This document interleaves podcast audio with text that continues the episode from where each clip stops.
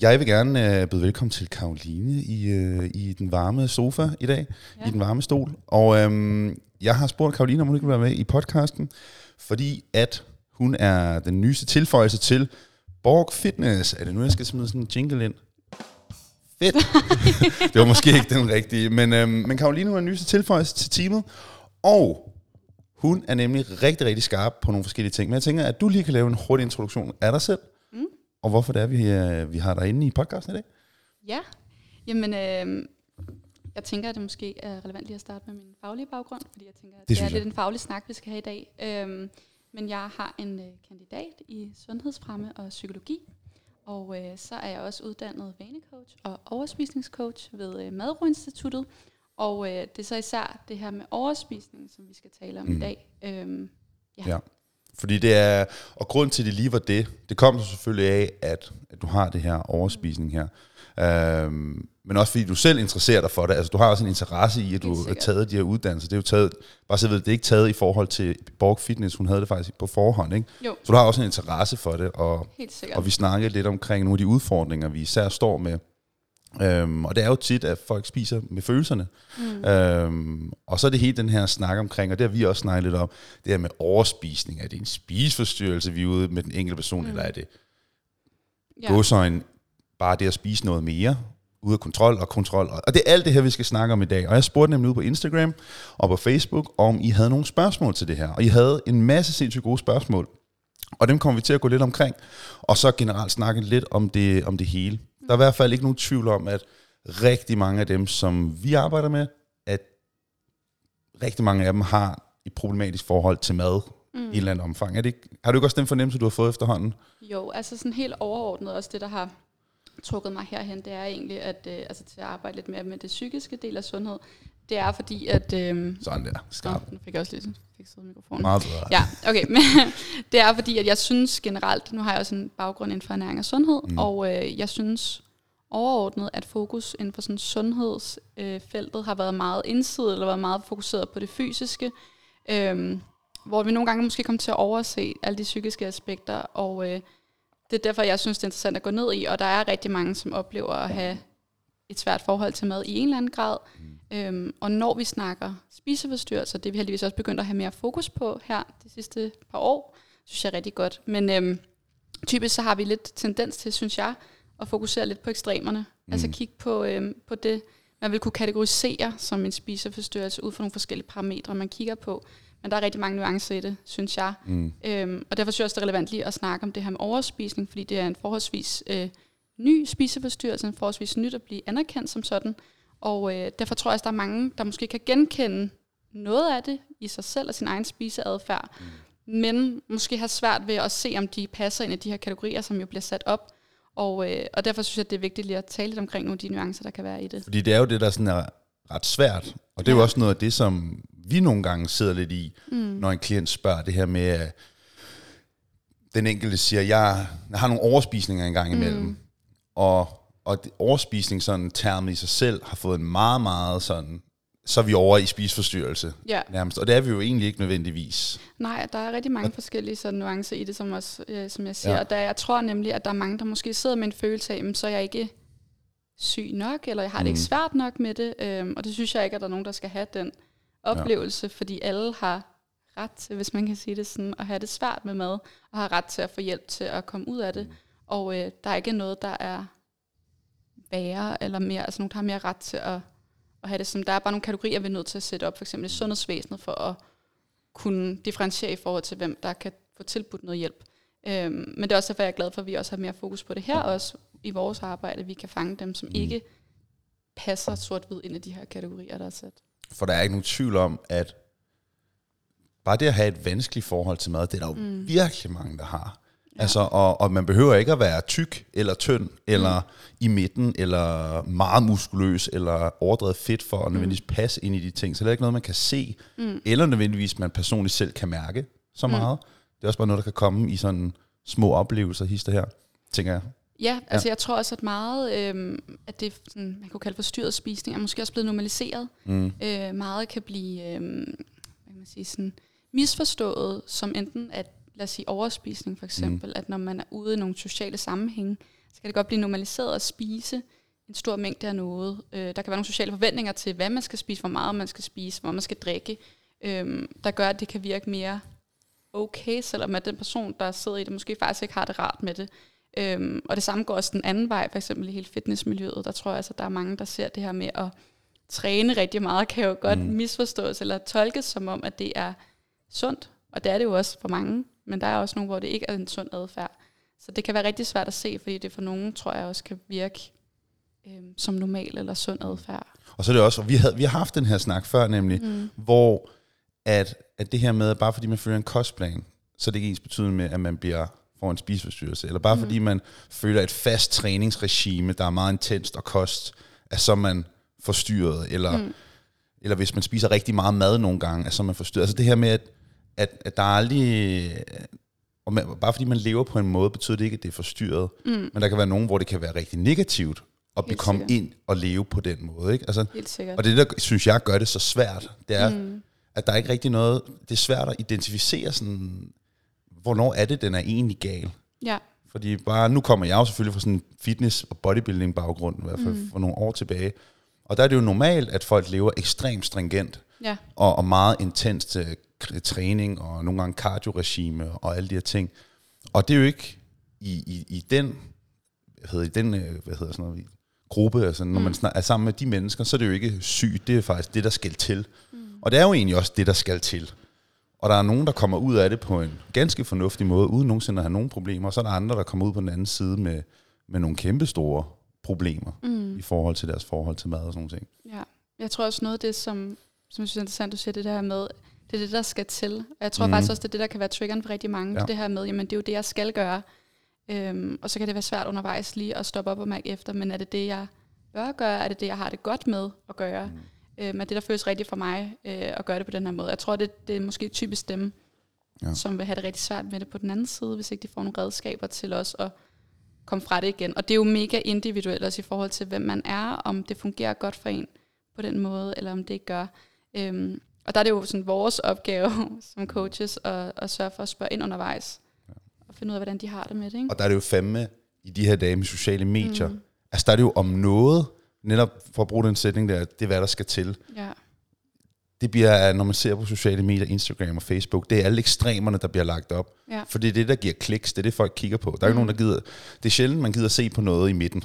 Mm. Og det er jo bare sådan, vi mennesker fungerer helt generelt. Ja. Sådan er det bare. Um, og det er det, der gør det så svært at, at, at navigere i det også, fordi rigtig mange mennesker søger i de retninger, jamen jeg vil jo gerne have det bedst tænkelige resultat, eller hurtige resultat, eller se ud på en bestemt måde, mm. som er ekstremerne. Ofte også krydret med nogle gode gener og en livsstil, som er fuldstændig snævret ind til, at mm. det her det er det eneste, de laver nærmest. Ja. Ikke? Og så er det det, man bruger som sammenligning. Ja. Eller ligesom med de her super tynde modeller, og, og så laver de en eller anden helsedrik om morgenen, og mm. at det er sådan, man skal leve på. Og bla, bla. Altså det er, med sociale medier, hvor man også bare sætter de her op på sådan nogle pedestaler, at det er det, man skal gå efter, og så er det gå sådan, det der skal til. Ja. Så det er rigtig svært at, jamen jeg vil gerne det der. Ja. Hvad fanden gør man så?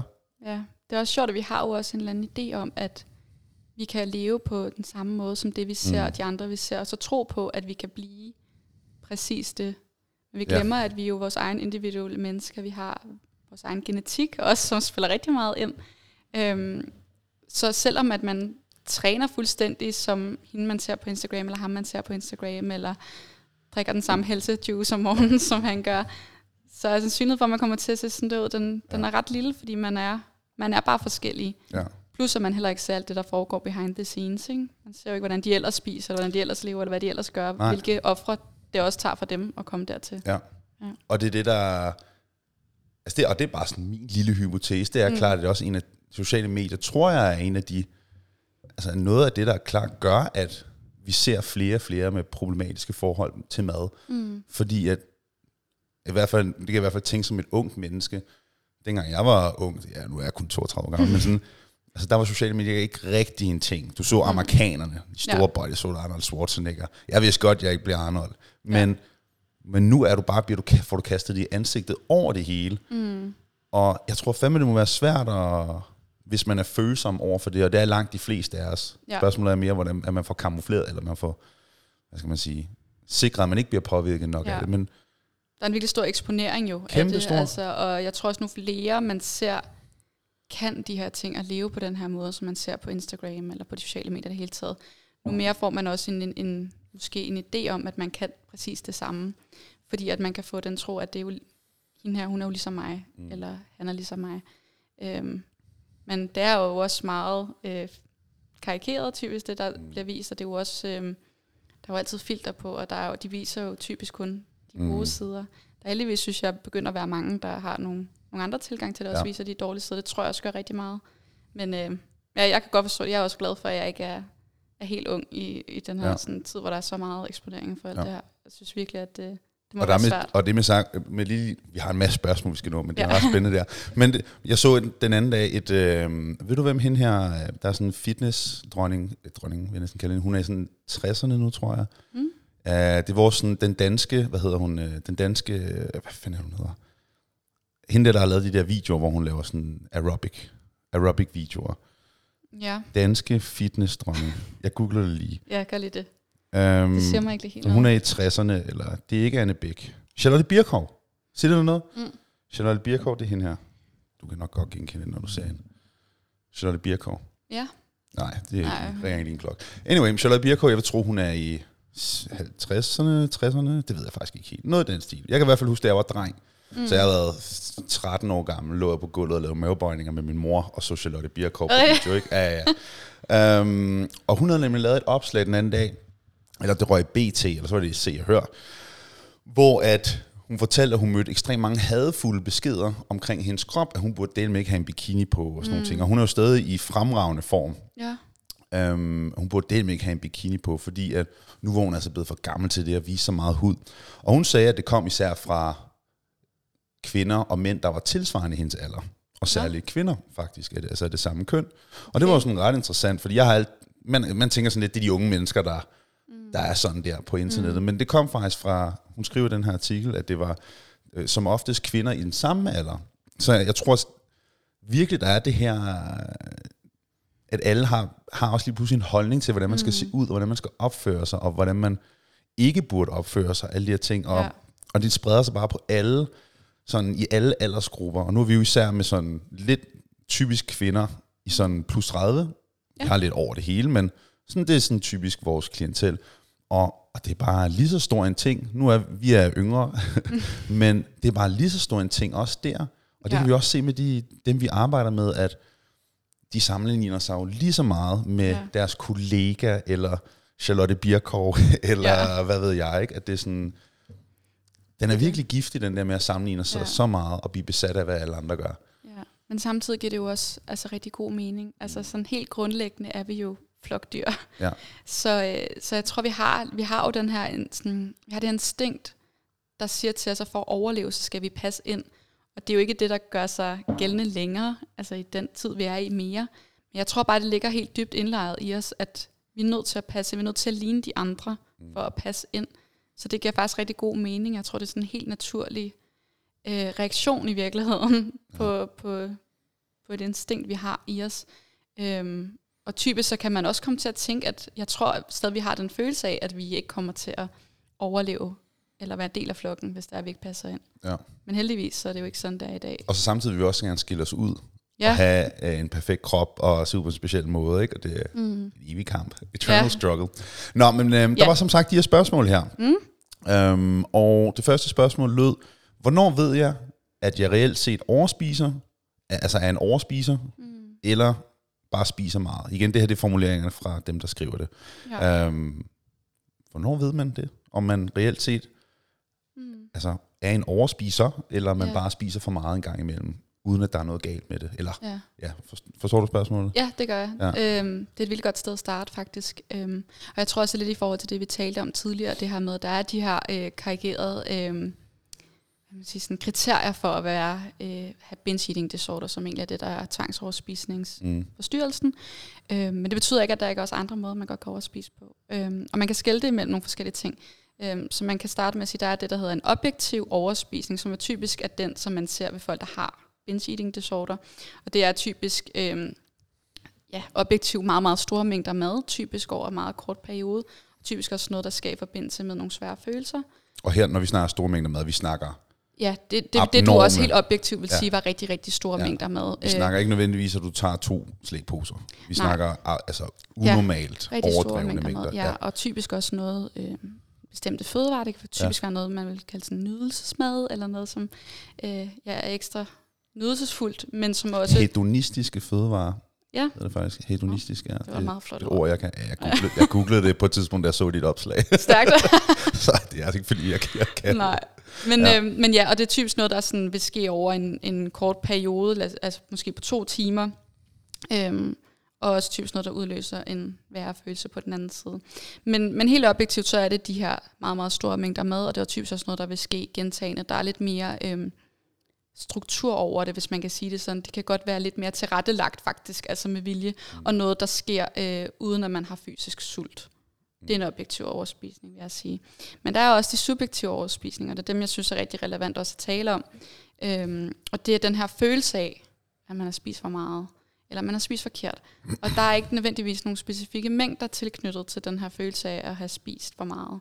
Så det kan være både en, en mental følelse af at have overspist, hvis man kan sige sådan, at du har sat nogle regler for, hvad du må spise, og hvor meget du må spise, øh, hvornår du må spise, hvilke ting, du må spise. Mm. Hvis du har brudt nogle af de her regler, så kan du godt have en følelse af, at du har overspist, for nu har du brudt den spiseregel, eller de spiseregler, du har sat for dig selv. Øhm, men der er også en, altså en helt sådan fysiske overspisning, som er den, du kan mærke i kroppen.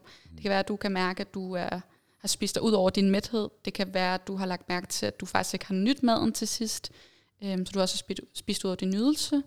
Øh, det kan være, at du kan mærke det i maven, at den er udspylet, den gør ondt. Øh, og det kan jo også være en overspisning, kan man sige. Mm. Øh, så der er lidt forskellige øh, ting af det. Og der er aspekter af det. Jeg har lyst til at lige spørge ind til det, bare lige mm. også for sådan... Så hvis, men hvis der nu sidder en og lytter med, der uh, i går aftes havde en... Spise i hvert fald mere, end hvad de selv kunne... Mm. Spise rigtig meget mad, ja. aftensmad, og så spiste de lige et kilo slik eller andet, hvad ved jeg. Ja. Er det så nødvendigvis, er der så nødvendigvis noget galt med?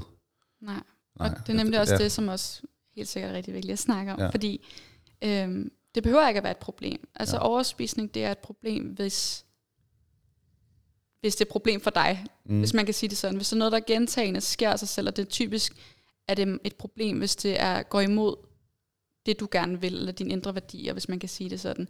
Mm. Øhm, men det behøver ikke at være et problem det er også okay. Altså, jeg tror, vi alle sammen kommer til at spise lidt mere, end vi nyder eller har lyst til, eller så bliver vi jo lige grebet en stemning. Det er også helt normalt. Ja. Det behøver ikke at være et problem. Men, øh, men hvis man bruger det for eksempel som en copingstrategi, i forhold til, hvis man har nogle svære følelser, så kan det være et problem, især hvis man får det værre af at gøre det. Øhm, eller hvis det er det eneste, man kan gøre. Men, øh, men det behøver ikke at være et problem. Okay. Som sådan. Men hvis du kan mærke, at det ikke føles godt, og det typisk udløser nogle andre svære følelser, så kan det jo være et problem, som man og det fører faktisk lidt videre til den næste, der lige var der. Men mindre ja. du har nogle tilføjelser lige ekstra. Mm.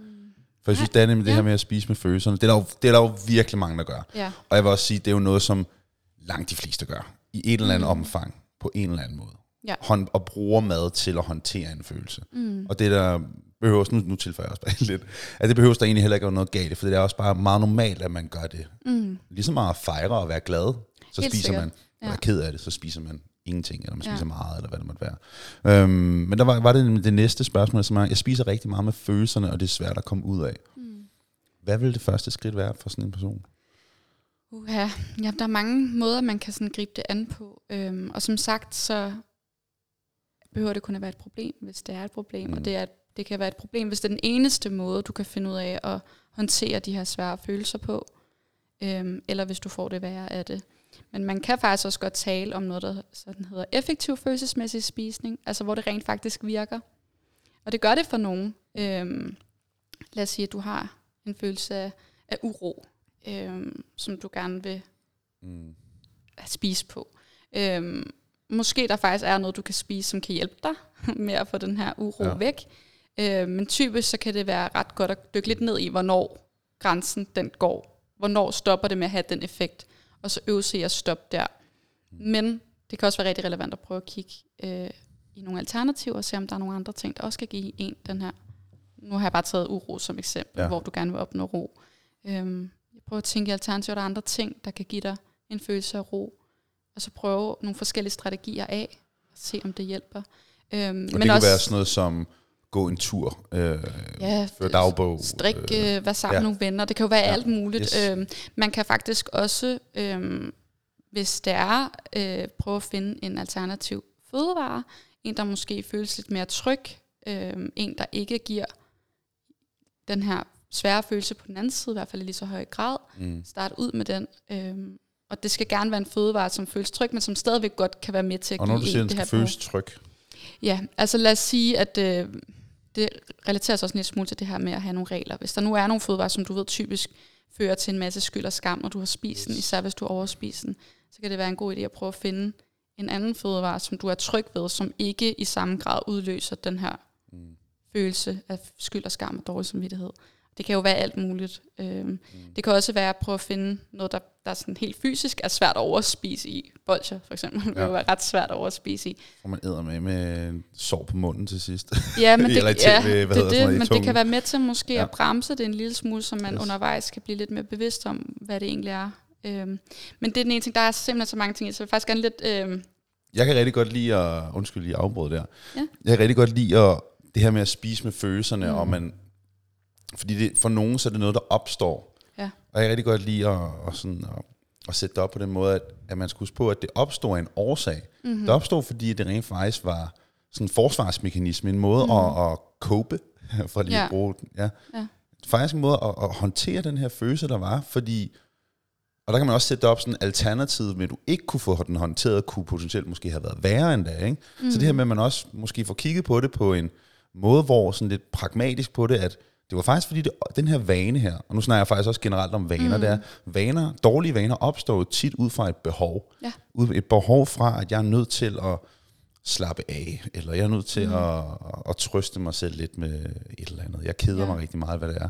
Og jeg, jeg synes, det er sådan en fantastisk måde at sætte det op mm. på, frem for at det er min skyld. ja. Men i stedet for, jamen det er faktisk bare måden, du fungerer på for at, at forsøge at cope med det her. Ja.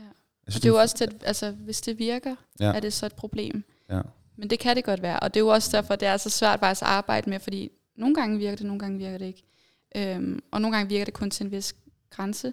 Men jeg er også helt enig, jeg synes også det er interessant det med, at du siger, at det er jo nok også et udtryk for noget. Det, det sker af en årsag, og øhm, nogle gange så kan det også være interessant at kigge på, især hvis det er den, den samme følelse, der dukker op igen og igen. Prøve at se, om der er en, altså hvad er det, den prøver at fortælle dig? Er der egentlig noget, den gerne vil fortælle dig? Er der noget i dit øh, nærmiljø, der skal ændres? Er der noget på dit arbejde, du ikke er glad for? Er det et udtryk for, at du er stresset, at du er presset, at du ikke får sagt nok fra, at din grænse er nået, at du ikke øh, lytter nok til dig selv, at du ikke er, altså, giver dig selv omsorg nok? Altså det kan være udtryk for rigtig mange ting, øh, som du prøver at fikse, hvis man kan sige det sådan, med at spise. Øhm, så det er den ene side af det, men der er også en det, hvis, lad os sige, hvis det er noget, der opstår af øhm, kropshad. Det, det ved jeg, der er rigtig mange, der oplever, Mm. at de typisk faktisk overspiser på et selvhad, eller typisk fordi, at de er ked af, hvordan de så ud, eller en eller anden følelse ind i, som kan være rigtig svær faktisk at gøre noget ved. Så kan det være rigtig øh, relevant måske faktisk at prøve at arbejde lidt med hen i noget sådan metakognitiv, øhm, hvor man får nogle redskaber til at lade Ja, hvad betyder det for... Øh, Ja, det er det. Det er egentlig nogle forskellige redskaber, man får til, og hvordan man kan lade tanker bare være tanker. Yes. Øhm, og lære, hvordan man ikke behøver at reagere på tankerne. Mm. Øhm, men lad dem være, og lad dem se. Man kan sådan sige, man kan se lidt ligesom skyer, der faktisk bare passerer forbi på, øh, på himlen. Og de må godt være der. De er ikke farlige, men du behøver ikke at gå med på dem. Du behøver ikke lade, man kan også se det som et tog. Du Ja. kører et tog, og der er, du kan selv vælge, hvilket tog du vil hoppe på. Der kan også være et tog, der kører parallelt. Jeg er ikke uddannet metakognitiv mm. terapeut, vil jeg bare lige sige. Øhm, men det er nogle af de ting, man sådan kan få nogle redskaber okay. til, øh, hvordan man kan være i de her tanker, uden at de er farlige. Og der er en masse forskellige måder, man kan gøre det på. Så det kan også være relevant for nogen i forhold til det her med følelsesmæssig spisning. det der også er tit med følelser, og, og det her med at så bruge mad, Mm. det er også, at rigtig mange kan godt have en tendens til at, at forsøge at fikse maden først. Mm. At det er maden, der bliver problematisk. At Det, ja. Ja. Nu skal vi, jeg skal fandme fikse de her dårlige vaner med, at jeg sidder og spiser øh, slik hver aften, eller Ja. hvad det nu måtte være. Hvor man skal hellere, som, og det var netop det, du snakker om, forsøge at lø, kigge på, hvad, hvorfor, er- hvorfor er det, det sker? Mm. For det er rigtig svært at bare sige, fjern alt sukker derhjemmefra. Den klassiske sådan januar-ting. 30 dage uden sukker. Fordi dem, der spiser, hvis man, nogle af dem, der spiser rigtig meget sukker, rigtig dagligt på specielle tidspunkter i anledninger, mm. der vil det ikke nytte noget at lave en challenge, fordi du fjerner bare måden at cope med det, Ja. men det, der reelt, reelt set skal arbejdes med, det er jo faktisk det, der forårsager det. Mm. Øhm, og det hører jeg i hvert fald også bare fra, fra klienter, der kommer i gang med forløb, at det har tit været årsagen til frustrationen, fordi det skaber bare sådan en never-ending følelse af at ikke kunne finde ud af det. Mm. Men når det faktisk er det helt, det er det helt, det er det helt andet problem, der rent faktisk skal, skal arbejdes med at forsøge at blive håndteret. Ikke? Det er også det, og det kan jo også give et eller andet tomrum, hvis du bare fjerner det, fordi at der er jo, som du også siger, der er mm. jo et behov, som den her vane, den skal dække. Mm. Så du er nødt til at finde en ny vane, eller et nyt alternativ, der kan hjælpe dig med at dække det her behov. For ellers så står du tilbage, og så er der ret stor sandsynlighed for, at du vil falde tilbage igen til den gamle vane Ja. øhm, på et eller andet tidspunkt. Og det kan være rigtig svært, især hvis man har, øh, har prøvet at undgå det i en lang periode. Ikke? Det er ligesom at give slip på en god ven. Ja. Altså, hvis man har haft det i lang tid. Så det er jo ligesom at, en god ven, der har været der i, i hårde tider, Ja. at skulle give slip på sådan en ven der. Altså, Ja. og det er måske godt give sådan, give sådan en følelse af, hvordan, hvad fanden gør jeg nu, og hvordan får jeg håndteret de her følelser og sådan nogle ting der. Ligesom med rygning, faktisk, bare for at snakke om dårlige vaner. Det er jo, Ja, Der er mange, der faktisk... Jeg har tit hørt det her fra folk, der har røget, at jamen, det er jo ligesom at give slip på en god ven. Ja. Det er jo ven, der var der, når man var glad, og når man var Mm. ulykkelig, og alle de her ting, ikke? ja. Øhm, lad os prøve at videre til næste. Mm. Jeg ser meget mad som sundt eller usundt.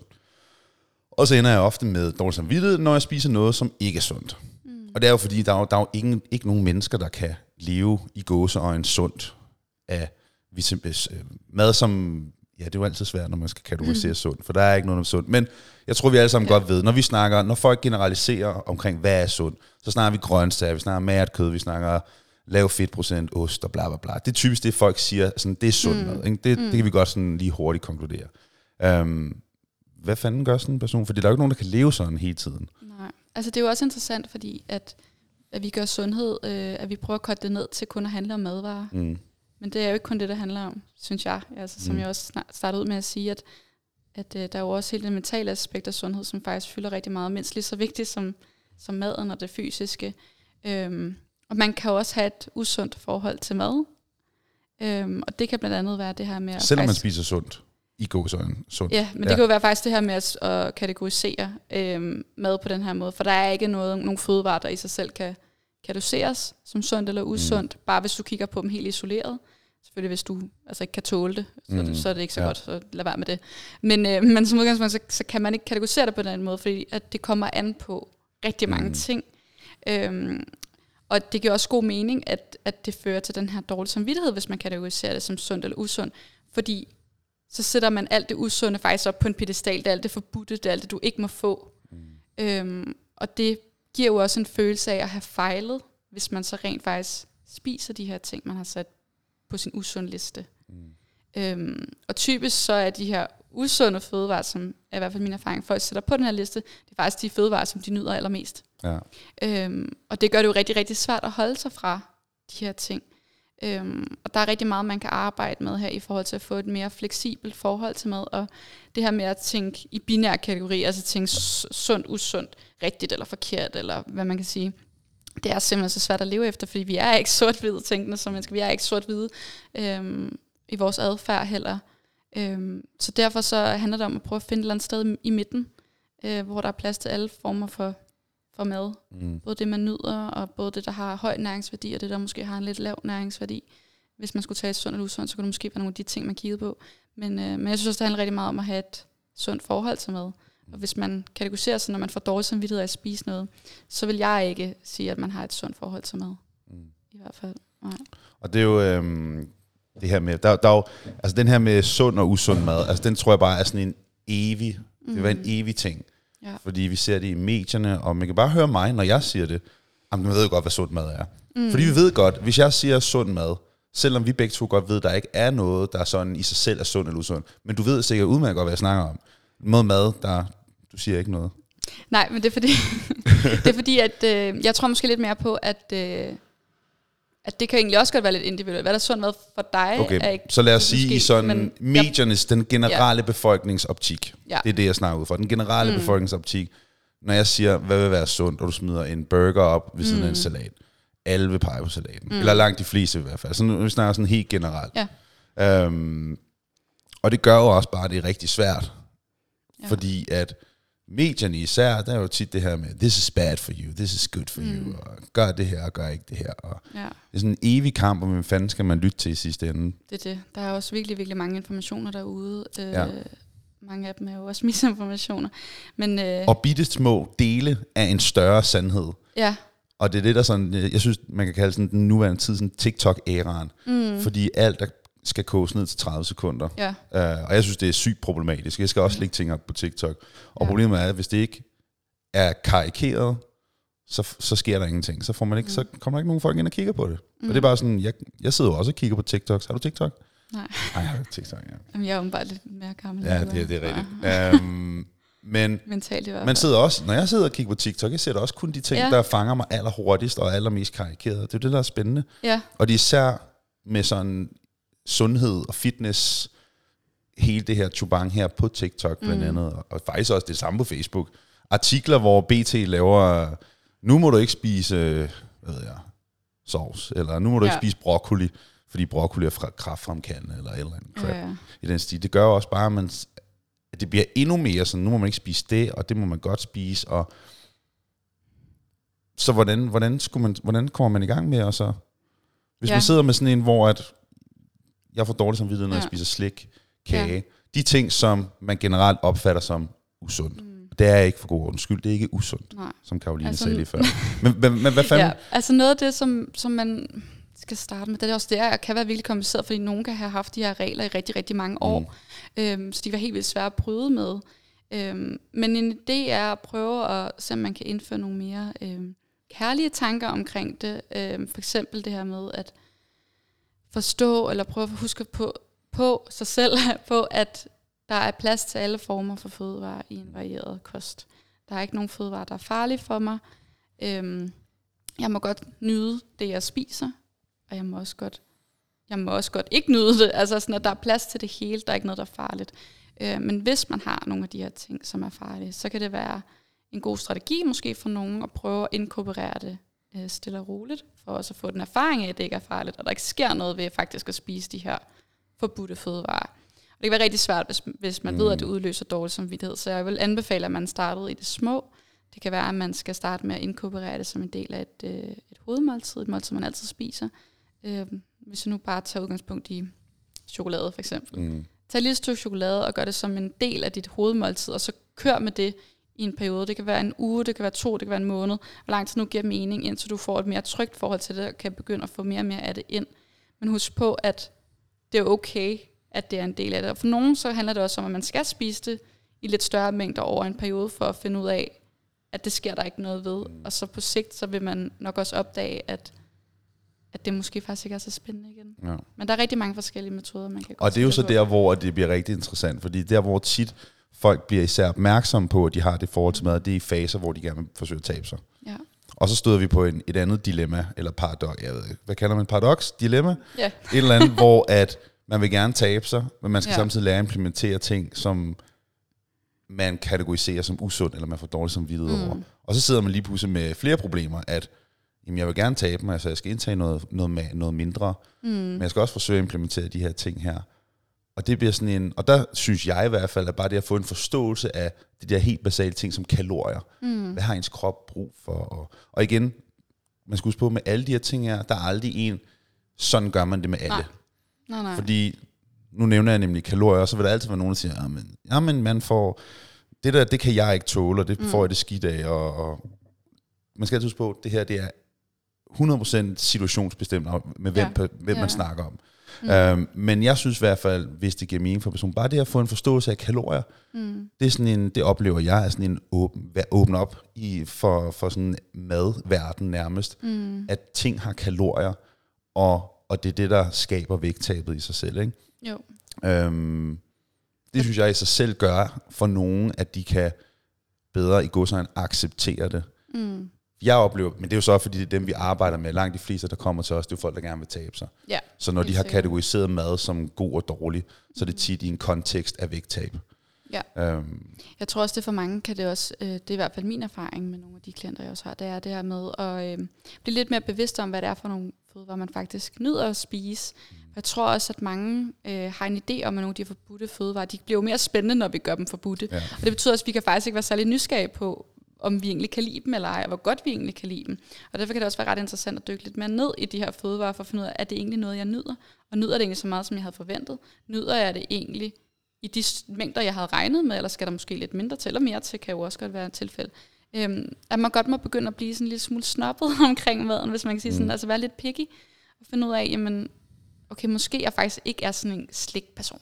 Eller sådan, mm. Måske er faktisk ikke så meget. Måske er mere til mad, eller til chips, eller hvad nu kan være. Altså, jeg tror nemlig, hvis man laver en stor kategori af rigtig mange ting, der er forbudte, så bliver de alle sammen så spændende, at man slet ikke måske helt kan se om, hvad det er, man nyder ved det. Mm. Fordi det, at du ikke må få det, giver jo en forventning om, at det er lækkert.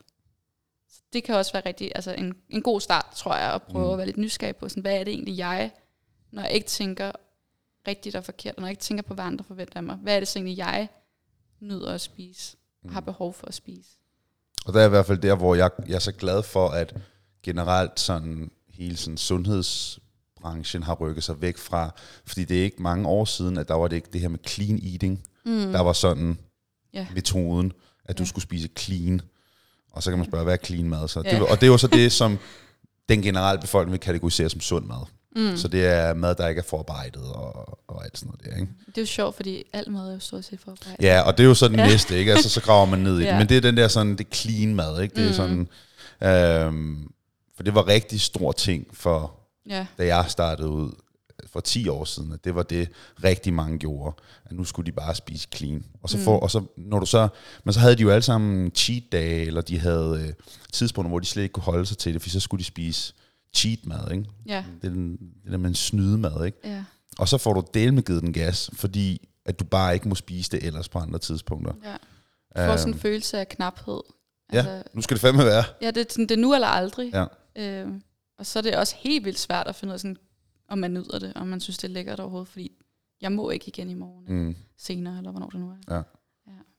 Det er virkelig interessant. Ja, det er, og det er så spændende, og det er så individuelt. Og det er det, der gør Helt det, vildt. som også da, da Karoline og jeg skulle have snakket omkring den her podcast, så er det også, øh, Karoline snakker, fortæller os lidt om, at jamen, det er så svært at snakke om i generelle, mm. fordi det er så individuelt. Ja. Og det er derfor, man virkelig også, hvis du lytter med nu, at tage fra det, hvad du kan tage fra det, ja. og dismiss the rest. Ja. Fordi du, man kan ikke sætte tingene i så meget i kasser med de her ting. Det er meget mm. øh, individuelt. Ja, og, det er også det. Jeg tror også bare, at dem, der lytter med, skal måske også bare altså forstå, at det er okay, at hvis der er noget af det her, der er genkendeligt, og det behøver ikke være en til en, mm. men hvis, hvis dem, der lytter med, kan genkende, at der er noget af det her, som, som de selv oplever, at der er noget med, at det er svært at spise nogle gange, og det er svært at være i nogle gange, så det er okay altså at række ud. Du behøver ikke at, at have en spiseforstyrrelse på papir. Altså det er okay at få hjælp til det alligevel. Mm. Ja. Men lige nu er det jo lidt generaliseret, det vi prøver ja. at, at snakke om. Ikke? Og så faktisk fordi, det at få det på papir er heller ikke så nemt. Mm-hmm. nu til nej, dags. nej, det er det. Og det er jo faktisk næste. Det, det er jo fandme ikke engang nemt. Og det er heller ikke, hvis mm. du så får det på papir, og så rent faktisk får hjælp med for eksempel BID. Mm. Det er jo sindssygt svært, for der er ikke særlig meget, mange pladser ja, øh, det det. og mange muligheder, så man skal faktisk tit i det private ja. for at få hjælp. Nå, jeg så videre til det næste. Mm. Jeg vil gerne tabe mig, men når jeg begynder at prøve, så føler jeg, at det er synd for mig, og så ender jeg med at spise meget mere. Ja. Det hun synes, det er synd for hende, at hun ikke får, ja. eller hende, jeg siger automatisk hende, hende eller ja. ham, øh, at, at, at nu må de spise mindre. Ja, hvad, hvad, hvad ja, det, det jeg det? synes er interessant, altså det her med, at det er synd for mig, når jeg gerne vil tabe mig. Hvad er det, øh, hvad er det for noget positivt, øh, der bliver fjernet i den mm. proces? Det, det tænker jeg, der er jo noget, øh, noget afsavn af en eller anden slags, som, som opstår i det her, siden at man tænker, at det Kunne man ikke snakke lidt om, ligesom det vi snakkede om ja. tidligere med, med vennen, og, og maden, og hvis man ikke må få det, men det var jo. ens måde at cope på, er, er vi måske lidt derhen af? Jeg tror helt sikkert, at det er relateret til det, fordi at det lyder som om, at det er fordi, der er noget, der bliver ekskluderet måske. Altså der er nogle fødevarer, som man nyder noget, man har en, altså får noget positivt ud af, som man måske begrænser helt eller fjerner, og derfor så synes man, det er synd for en, mm. fordi man får ikke lov at få det her, man faktisk rigtig godt kan lide. Mm. Øhm, og det er også derfor, at det kan være rigtig godt, når man vil tabe sig, at man prøver at arbejde lidt mere fleksibelt med, med det her med at dele det op i sort-hvid, fordi der, som, som vi også snakker om, der er jo plads til, at man kan spise de ting, man nyder også, mm. selvom man gerne vil tabe sig. Ja. Øhm. Det kræver bare, at man får noget forståelse af, hvordan ja. kalorier, hvor meget kalorier skal der til, og, og mm. hvad har ens krop behov for, og sådan nogle ting. Ja. Fordi ellers så bliver det så bliver det rigtig svært at navigere i, hvis man ikke har en forståelse for de ting, og man samtidig skal implementere de her hedonistiske fødevarer, ja. og samtidig gerne vil tabe. Så det bliver rigtig svært at navigere ja. i. Så der giver det god mening at, at få noget forståelse for, hvad har min krop egentlig brug for. Ja. Øh, og det betyder ikke, at du skal leve af at track kalorier resten af dit liv, eller i flere mm. måneder, men bare lige så meget stifte bekendtskab til det, og, ja. og forstå det simpelthen. Ja, bare være nysgerrig på ja. processen i det hele taget. Jeg kommer også bare lige til at tænke på i forhold til det her, at hvad er det, øhm, er det fordi man forbinder mad måske med noget omsorg? Altså den mad, man tager fra, når det er, man gerne vil tabe sig af den her person. Er det fordi, der bliver, at det bliver forbundet med noget selvomsorg af en eller anden slags, noget, noget selvkærligt? Mm. Øhm, og der kan det jo så også være interessant, hvis det er det, man forbinder det med, at prøve at finde ud af, hvad kan man ellers, igen, som vi snakker alternativ, hvad kan man ellers give sig selv, som giver en den her selvomsorg? Altså, hvad er det modsatte af synd? Og det, det, det tænker jeg er selvomsorg. Altså, når det ikke er synd for mig, så er det fordi, jeg gør noget ja. selvkærligt. Så hvad kunne det ellers være, der kunne give en den her egenomsorg, hvis man kan sige det sådan? Jeg tænker også, at det her med det er synd for mig, det må klart være, fordi der er nogle ting, man ikke må. Ja. Og, og der er i hvert fald hørt fra os klienter, altså for nogen kan det være fødevarer, så er det så vigtigt at vide, jamen du kan altså godt spise de her ting her. Mm. Og for andre kan det faktisk også være mængderne. Ja. At, at mængden, jeg må ikke få så meget, som jeg har lyst til. Mm. Uh, for den har, den har jeg virkelig hørt mange gange før. Fordi der er jo mange, der, er mange, der faktisk godt kan lide at føle sig ekstremt mætte. Ja. Nu var, jeg var, jeg var en, en halvovervægtig dreng, som, uh, og det her med at føle mig overdrevent mæt, mm. sådan ubehagelig mæt, ja. det er behageligt. Ja. Uh, og jeg ved, der er mange, der har det på samme måde. Ja. Det er faktisk en rar følelse, at ikke føle, at man kan spise mere overhovedet. Det er jo ret interessant. Ja. Det er jo det, der jo også er helt vildt individuelt, hvordan man føler ja. sig behagelig med. Ja. Øhm, men det synes jeg også sagtens, der godt kan være plads til. Jeg tror egentlig også, det handler om, at jeg dykker lidt ned i, sådan, hvad føles godt for mig, og hvordan mm. kan jeg komme omkring det. Og det ikke behøver at være, øh, der behøver ikke at være et afsavn, men det er svært, fordi at når man gerne vil tabe så skal man jo være i kalorieunderskud. Så det kræver, at man er en eller anden form for restriktiv i en eller anden grad. Og det er altså derfor, der er nogen, hvor det ikke måske ikke er der, de skal starte, hvis de lider rigtig meget af det her, man kalder afsavn. Altså hvis de virkelig føler, at det er rigtig synd for mig, så er der nogle andre ting, der kan være relevant at arbejde med først. Altså prøve at arbejde med de her, altså den, det her forhold til mad, der egentlig er, at få et mere afslappet forhold til det. Måske blive mere i kontakt med, hvad der føles rart i forhold til at være mæt og sulten. Øhm, dykke lidt ned i det, inden man måske faktisk er klar til at sætte et skridt om ja. at tabe sig. Så måske faktisk også bare tage nogle mindre skridt. Lidt ja. ligesom, lige, ligesom når vi overændrer vaner faktisk. Ja. Tag nogle små skridt. Helt sikkert. Øhm, og begynde at implementere nogle bitte små ændringer. Ja. Øhm, det kan være en start i hvert fald. Jeg synes ja. også nogle gange, nu, nu er vi lige hurtigt inde på vægttab. Altså et fantastisk ting er bare, bare det som at, at drikke mere væske hver dag og tilføje grøntsager ved måltider og frugt for eksempel. Mm. Det kan være en fantastisk start for mange, fordi det kan godt være, at det i sig selv ikke, hvis man bare tilføjer det, skaber et vægttab. Mm. Men det kan gøre, at du bliver mere mæt og mere tilfredsstillet, får nogle flere farver, så man bliver også sådan visuelt mm. øh, hvad hedder, stimuleret, ja. hvad man siger, visuelt mæt. Og det i sig selv kan påvirke andre ting. Og det er jo, det er jo lidt det, vi snakker om, det her med, at, at man kan starte et sted, men bare fordi det i sig selv ikke skaber et vægttab, det er ikke ens betydende med, at det ikke har en påvirkning på en masse andre mm. ting. Det er ligesom sådan et, et, et frø, der, så, der, ja. der vokser, og, rødderne kommer det så nedad. Jeg, I, I kan ikke se det på, på video, men jeg sidder og har et frø, og så spider jeg med mine hænder opad men det er så nedad. Ja, det ved jeg sgu det, det er meget godt det illustreret kan, i hvert fald. Det afhænger af, hvad det er. Om det er et løg, eller ja, jeg ved ikke skid om planter. Anyway, i hvert fald som grene, rødder, yeah. rødder i jorden. Jeg kan virkelig godt lide, hvor du er på vej hen. Ja, det. jeg råder mod øh, dyb vand, snart om rødder og grene og sådan nogle ting. Ja. For lige recap den der. Simpelthen mm. også bare starte ja. i de små ting, og ikke nødvendigvis jagt et vægttab. Ja, jeg Men, kan også godt lide det, du sagde, det her med sådan, altså at tilføje ting. Ja. Det synes jeg er et rigtig godt sted at starte, i stedet for at tænke på, at du skal fjerne alle de her ting. Og jeg tror også, det er det, der udløser den her med, at det er synd for mig. Ikke? Mm. Øhm, tilføje nogle ting i stedet til det, du allerede gør. Få en, simpelthen, du kan få en lille smule mere bevægelse ind, når du allerede går. Gå en omvej hjem, eller mm. på den tur, du alligevel altid går. Eller tilføje noget frugt og grønt til det med, at du allerede nyder at spise også.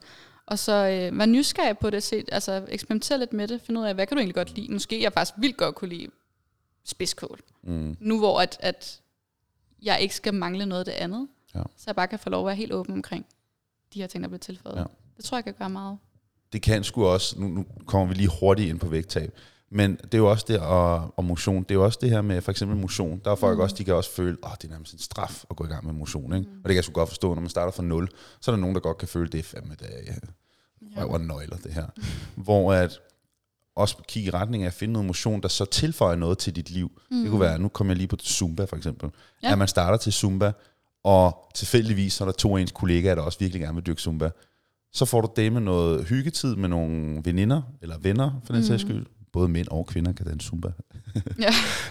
øhm, og det er jo at tilføje noget, mm. frem for at det bare bliver 45 minutter i smertehelvede, fordi det er hårdt. Helt sikkert. At tilføje noget. Se på fordelene, der er ved ja. tingene, frem for at bare tænke, nu er det bare noget, der, der bliver fjernet fra mig.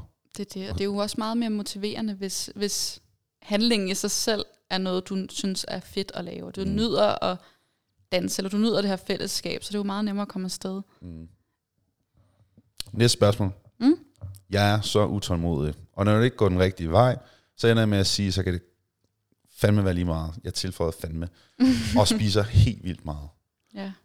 Den tror jeg, der er rigtig mange, der utålmodig. Ja. Og når det ikke lige rykker efter en uge, ja. kunne jeg næsten regne. Jeg kan tror, der er rigtig, rigtig mange, der kan ikke genkende ja. til den her. Det synes jeg også, at vi jo også oplever. Ja. Øhm, og det kan jeg godt forstå også, altså at, at især hvis man har taget lang tid om at måske tage det valg om, at nu vil man gerne tabe sig, nu vil man gerne igennem det, og nu vil man gerne det her, man har sat sig for. Så det er rigtig nemt at blive rigtig utålmodig, og også tænke, at det skal gå hurtigt. Øhm, men det kan være interessant måske at prøve at udfordre den her overbevisning om, at, at det skal gå hurtigt, eller sådan, hvad er det, du skal nå? Øhm, hvorfor er, må det kun tage en uge? Eller, mm. altså sådan, prøv at dykke lidt ned i, sådan, hvad er det egentlig, jeg har så travlt med? Øhm, og har man så fundet frem til, hvad det egentlig er, man vil? Øh, ved man, hvorfor? Har man fundet frem til, hvorfor ja. det er, man vil det? Øh, hvis det skal tage en uge.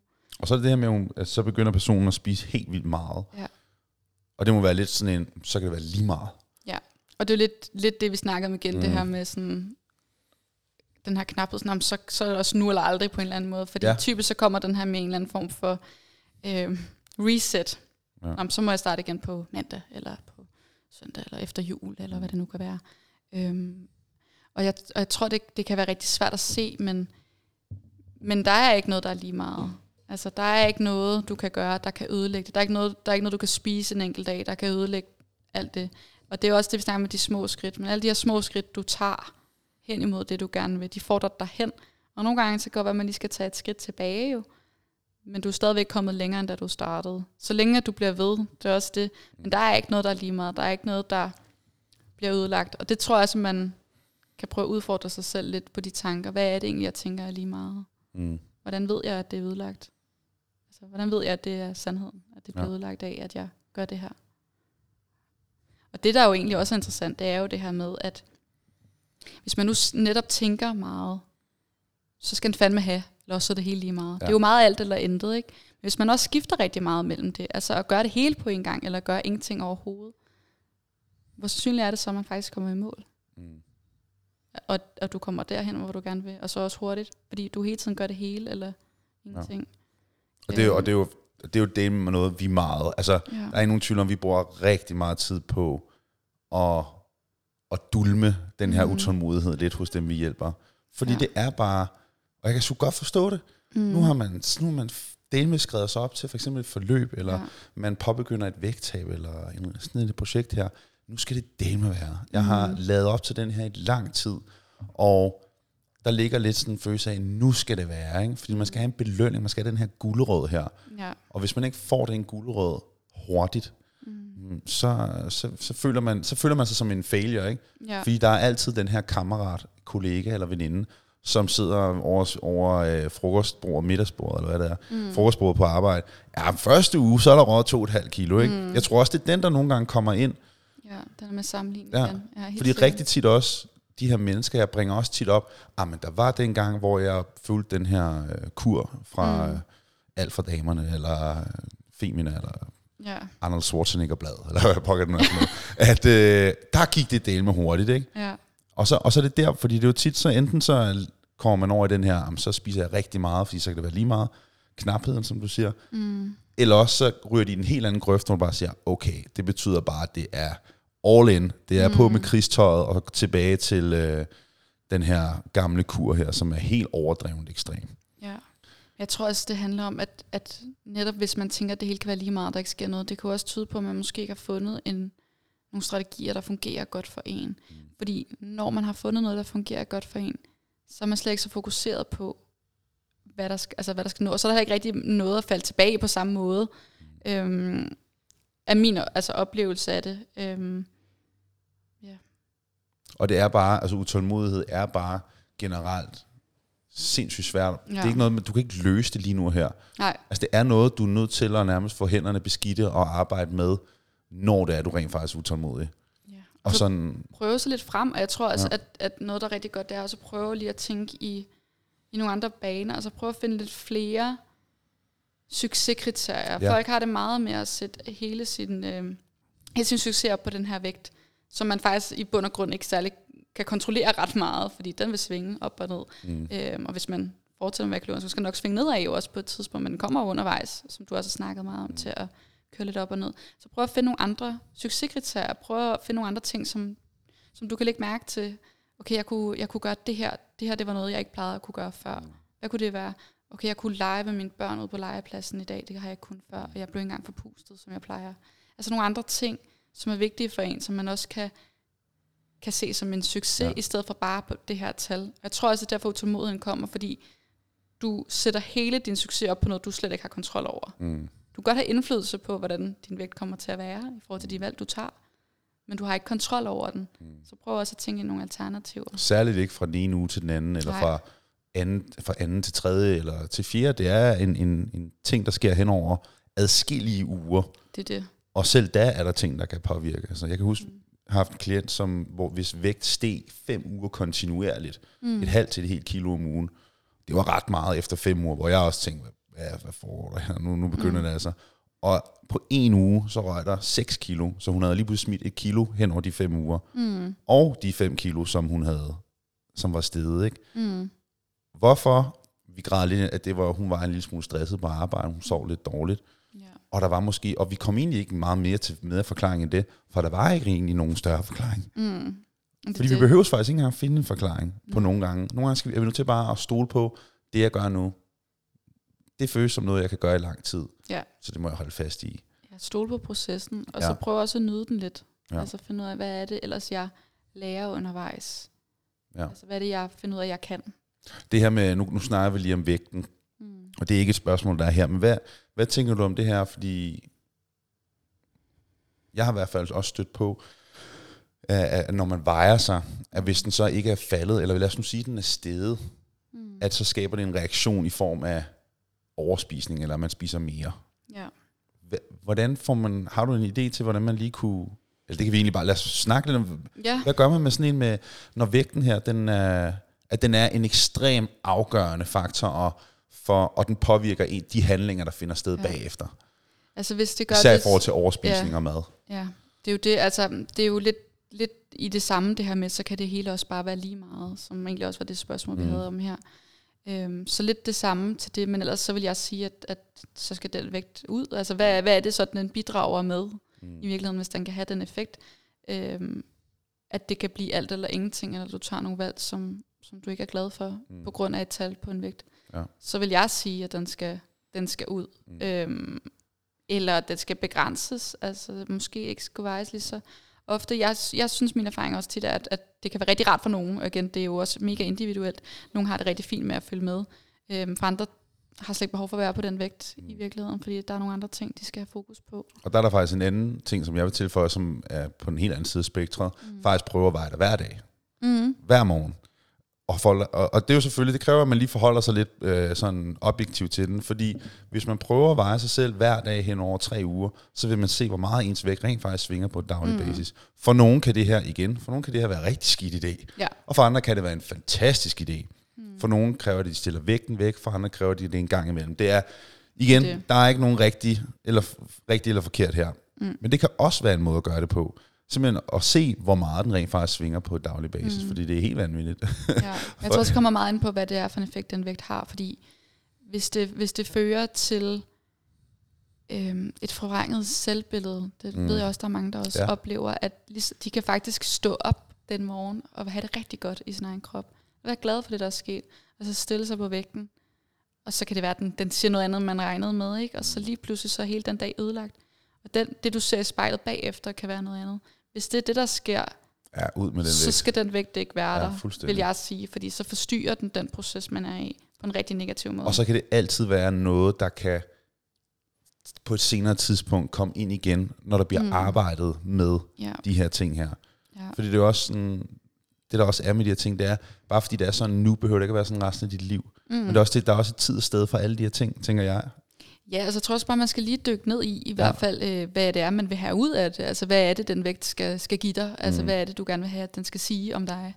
Øhm, og nogen, nogen har brug for den, og ja, der kan være mange grunde til det. Mm. Nogen så, så kan det være, at man faktisk finder, den har egentlig ikke rigtig det her behov i virkeligheden, måske nogle andre ting. Mm. Men, øh, men det er noget, jeg synes, man skal tage løbende, og hvis man har en coach, øh, så vil det være rigtig godt at tage det sammen med den mm. øh, undervejs i sit forløb i hvert fald. Ja.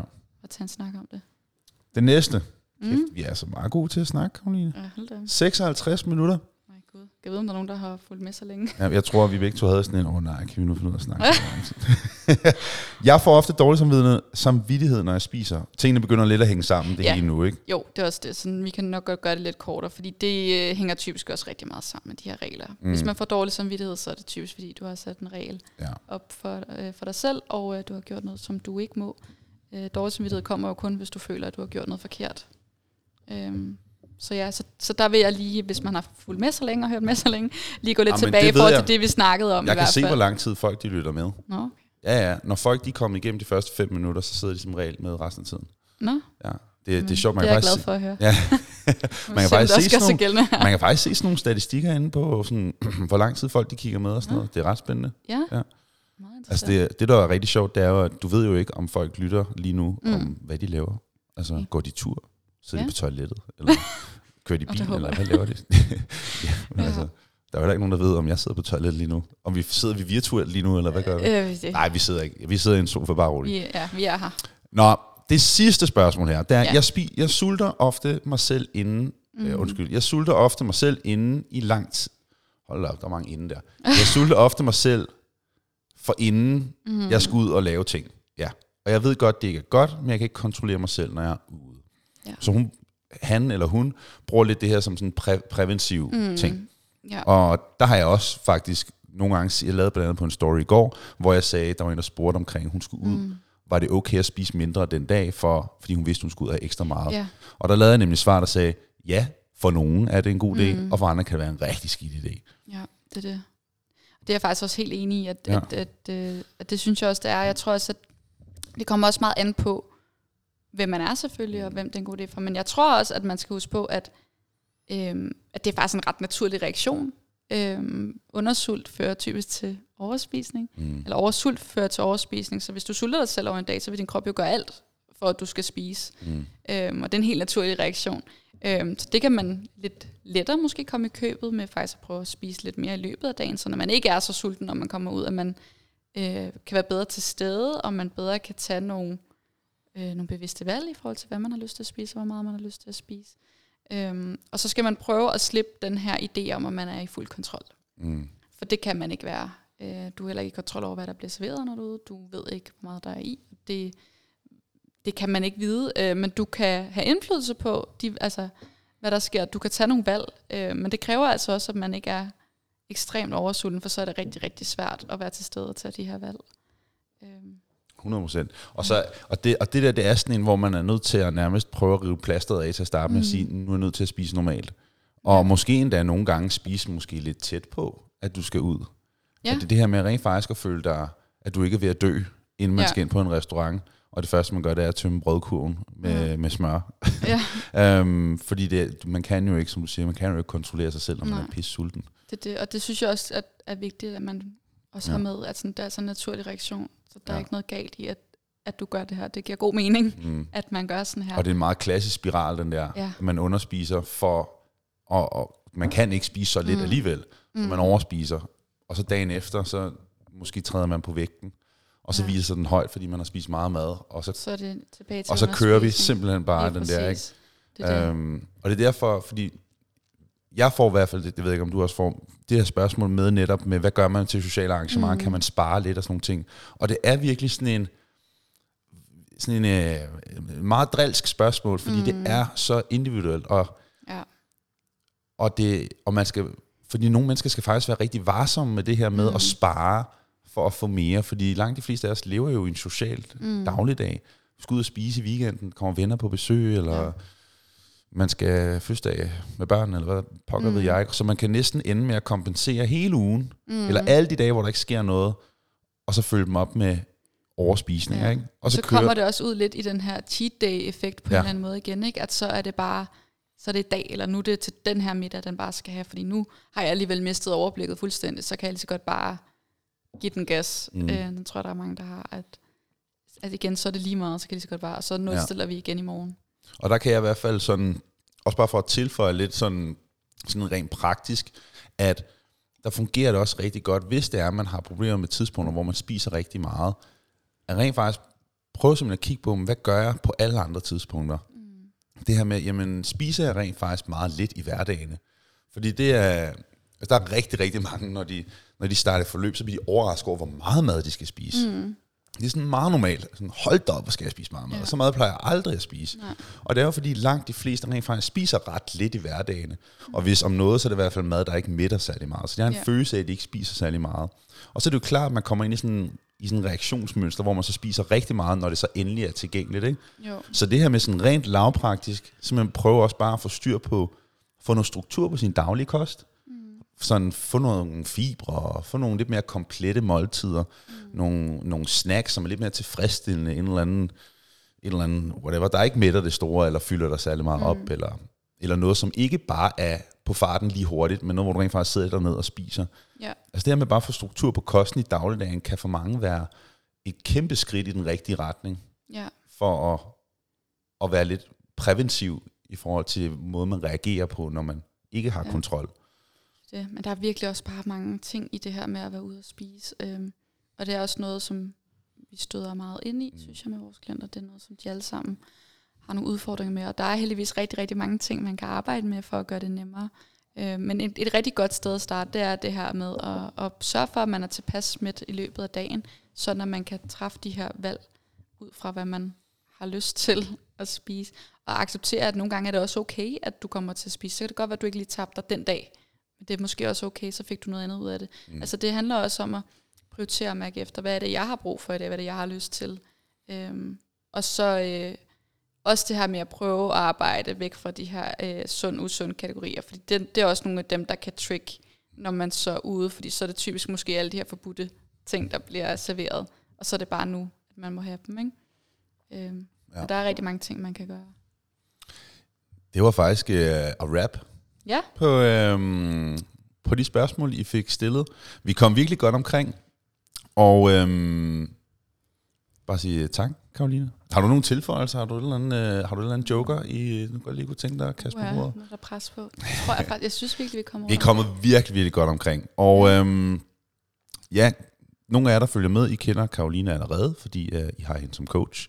Og ellers, alle derude, jamen, uh, hvis I har spørgsmål til mig eller Karoline for den sags skyld, så skal I altid være velkommen til at skrive på Facebook, på Instagram eller på mail. Eller TikTok. Eller TikTok. Jeg tror faktisk, at man kan skrive privatbeskeder på TikTok. Jeg ved ikke engang, Nej, det vidste du ikke engang, ja. Nej, men det er så man være velkommen til at skrive de her steder her, hvis det er, at der er nogle spørgsmål i forhold til det her. Det kan være, at det enten det bliver mig, der svarer, det kan også være, at jeg bare simpelthen siger, den tager du, Karoline. Den ja. er du meget skarpere på end mig. Så øhm, mm, håber, at I har lyst til at dele den her podcast på Facebook eller Instagram, eller hvor det nu er, du er hen. Det vil i hvert fald betyde meget for mig. Og ellers, until next time, see you later, alligator.